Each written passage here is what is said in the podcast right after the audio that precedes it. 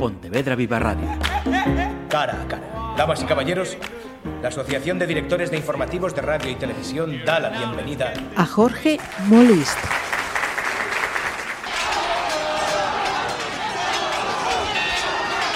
Tagliacozzo, 23 de agosto de 1268. Ricardo von Blume no se quitó su bacinete como hizo la mayoría de los caballeros, a pesar de que el hierro ardía. Solo levantó la visera.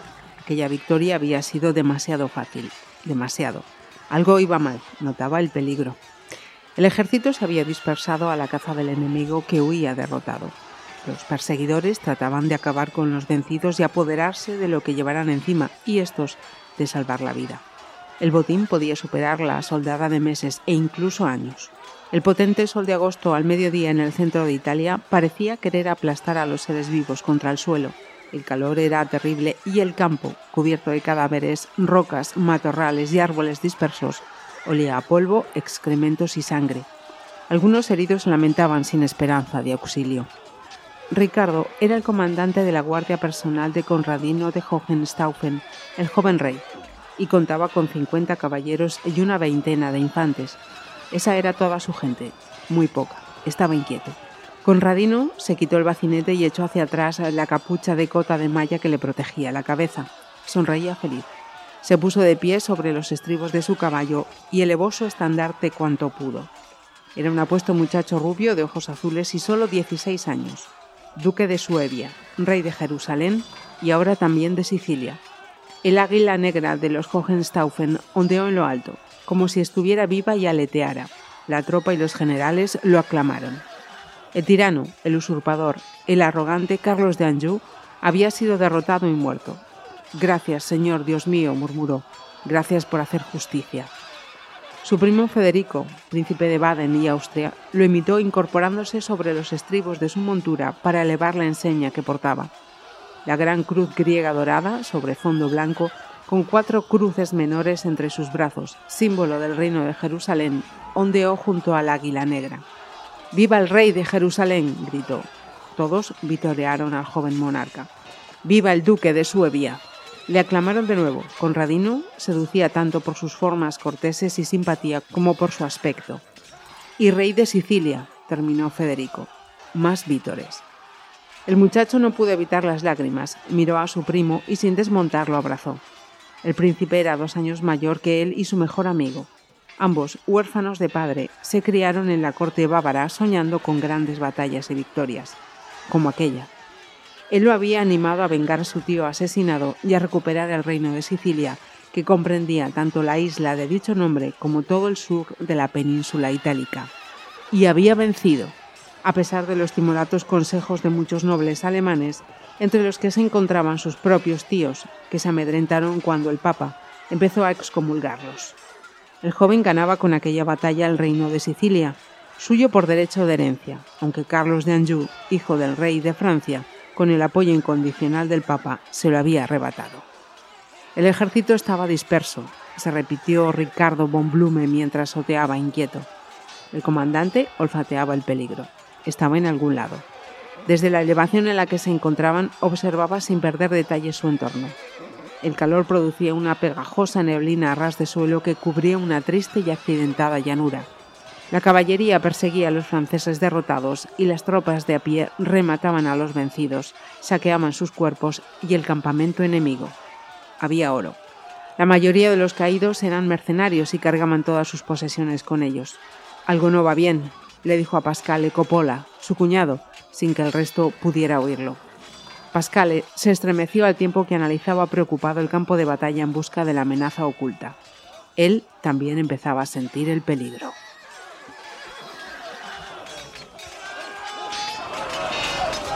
Jorge Molist es una referencia de la novela histórica. Acaba de publicar El latido del mar, con la que mm, nos vuelve a llevar al siglo XIII, al Mediterráneo, a la Corona de Aragón, a Italia, a Francia. Jorge, antes de hablar del latido del mar, me vas a permitir que te pregunte por ti. Porque mm, leyendo tu biografía, escuchándote, me he encontrado con un ejemplo de perseverancia en las metas personales. Y quiero reseñarlo en un contexto social en el que la cultura del esfuerzo está infravalorada. Así que te pregunto, eh, por tu experiencia, la constancia, el trabajo en los objetivos tienen su compensación. Oh, bueno, por, descontado, Marisa, yo creo que eh, ya han dicho los grandes sabios, ¿no? Hay que poner 95% de sudor y 5% de inteligencia, ¿no? Eh, el esfuerzo, aunque es una afirmación exagerada, pero el esfuerzo y el persistir en lograr los objetivos que las personas se plantean. Otra cuestión también, esa pasión por los eh, libros, en tu caso el hecho de que tu padre te llevara a esa biblioteca municipal, qué importante es que se acerque una persona a los libros desde edad temprana, ¿no? Pues sí, no, en mi caso yo vivía en un entorno difícil, ¿no? Y entrar en la biblioteca era entrar en un mundo maravilloso, eh, lleno de aventuras en forma de libro, ¿no? Entonces, eh, ya de pequeño, pues eh, a mí me apasionaban los libros, mi padre también era un gran lector y, y, bueno, a partir de ahí mi padre no tuvo una gran formación formal, sin embargo sabía mucho porque era un gran lector. Entonces los libros eh, te aportan, te aportan mucho en la vida. Una percepción personal, y es cómo este Jorge Molista, escritor, ensambla historia y ficción. ¿Es una mm, rémora del ingeniero o del lector? bueno, yo creo que en ningún caso tiene que ser una rémora. El caso es que eh, la ficción me sirve para reconstruir la historia que la historia no cuenta. Lo que no mm. cuentan los cronistas, mm. hay que, si eres un escritor de, novela histórica, eh, tienes que reconstruirlo. Y muchas veces, bueno, le puedes llamar ficción, pero, por ejemplo, tienes eh, cuatro datos fundamentales. Luego, si conoces dónde ocurrió, cómo era lo, dónde ocurrió, eh, cuál era el entorno social, por ejemplo, en el caso de los templarios, cómo funcionaban los templarios, puedes reconstruir una historia eh, que seguramente no fue exacta lo que ocurrió, pero eh, hubiera podido ocurrir. O sea que es una ficción, llamémosle, eh, real. En esta novela recuperas un personaje que a día de hoy lo desconozco, pero quienes estudiamos la LGB y el WUP lo tuvimos que aprender. Tiralo Blanc o Roger de Flor. ¿Qué te enganchó a este personaje histórico? Bueno, pues hay un, cuadro en el Senado español eh, en el eh, que aparece el personaje, ¿no? En el lado derecho es un lado luminoso, brillante, que es el imperio bizantino, que representa la cultura, representa la riqueza, ¿no? Y en el izquierdo, pues eh, gente más humilde, pero con mucha fuerza, incluso amenazantes, ¿no? Y resulta que los ricos y cultos inclinan la cabeza, el primero es el emperador Andrónico, sobre los eh, que entran. Esos son los bizantinos y los que entran eh, son las tropas españolas eh, lideradas por Roger de Flor. Entonces, ese fue un personaje sorprendente en la historia y las tropas españolas están ahí. se les ven rudos, pero poderosos. ¿no? Y a partir de ahí quise saber más del personaje y sus aventuras de, ya de, adulto, desde luego son fascinantes. Hay un cronista que fue compañero de armas suyo y que lo cuenta y te describe muy bien el personaje, pero da una serie de datos eh, de una época de él, su niñez y su primera juventud, que para mí fueron mucho más fascinantes que su época de gloria. ¿no? Y en esta novela, en El latido del mar, eh, en este caso es el mar Mediterráneo, lo reconstruyó. Reproduzco unas palabras tuyas. Con cada novela inicio una nueva etapa de mi vida en la que disfruto descubriendo nuevos lugares y personajes apasionantes. Durante el tiempo que les dedico surgen sensaciones y emociones que hacen que esos momentos sean realmente especiales para mí. Pregunto, ¿cuáles han sido esas mm, sensaciones y emociones especiales en el caso del latido del mar? Bueno, en parte lo podemos ver en, la portada, en el latido del mar. Eh, lo que vemos es una nave cortando el mar eh, con las velas henchidas de viento, con los remos en, el agua y ya nos da una, impresión de, aventura. La, historia de Roger eh, de Flor cuando era niño es realmente dramática. O sea, su, su, padre muere en, la guerra defendiendo el reino de Sicilia contra la invasión francesa y su familia pasa a ser. Entonces, eh, la madre, que era una alta noble de Brindisi, no puede huir eh, con el resto de su familia y se queda en manos de sus enemigos, ¿no?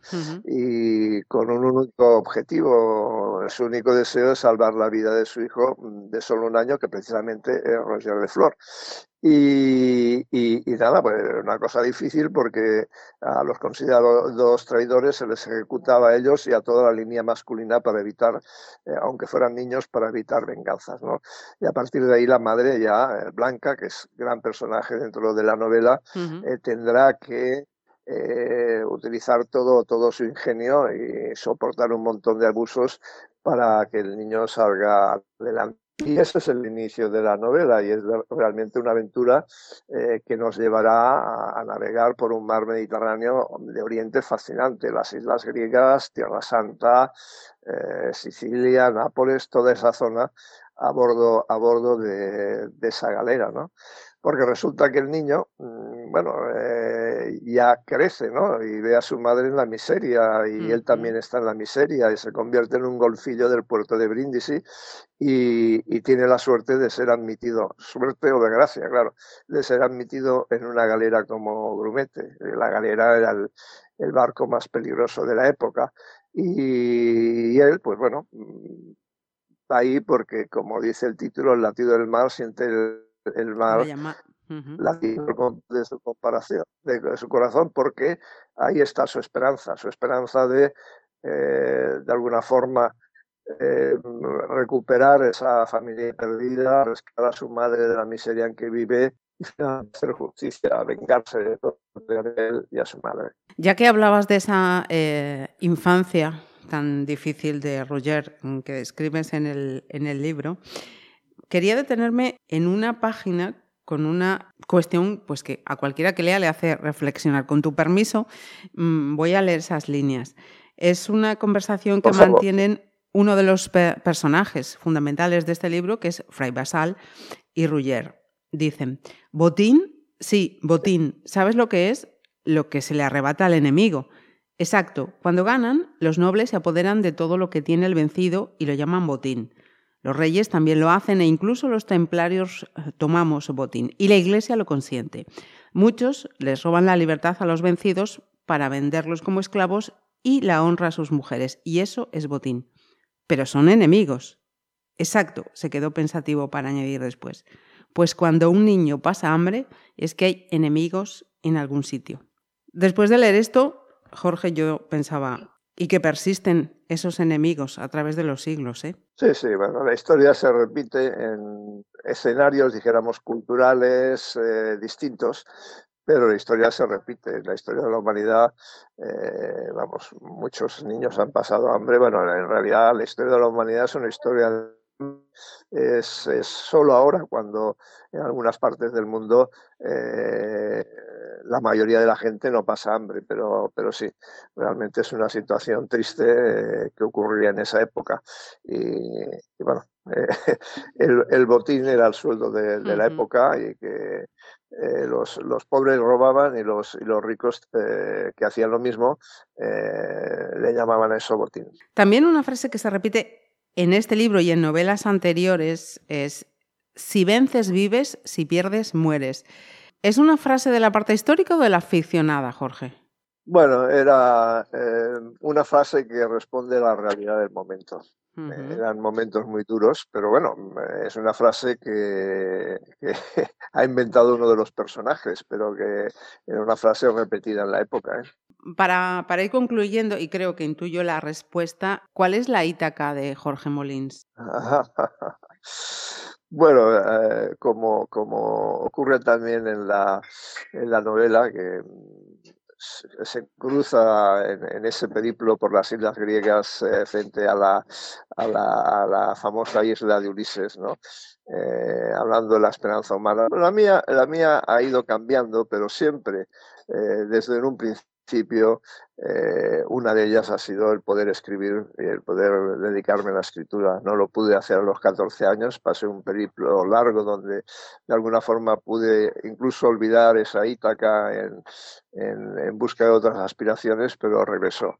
Y regresó y, ahora estoy en ello, en, mi Ítaca. Pues eh, si queréis eh, descubrir todo esto que nos acaba de contar Jorge Molist, El latido del mar ya en vuestras librerías. Jorge, muchísimas gracias. Encantado, Marisa. Pontevedra Viva Radio. ¿Me permiten que les haga un comentario como espectadores del programa Cara a Cara?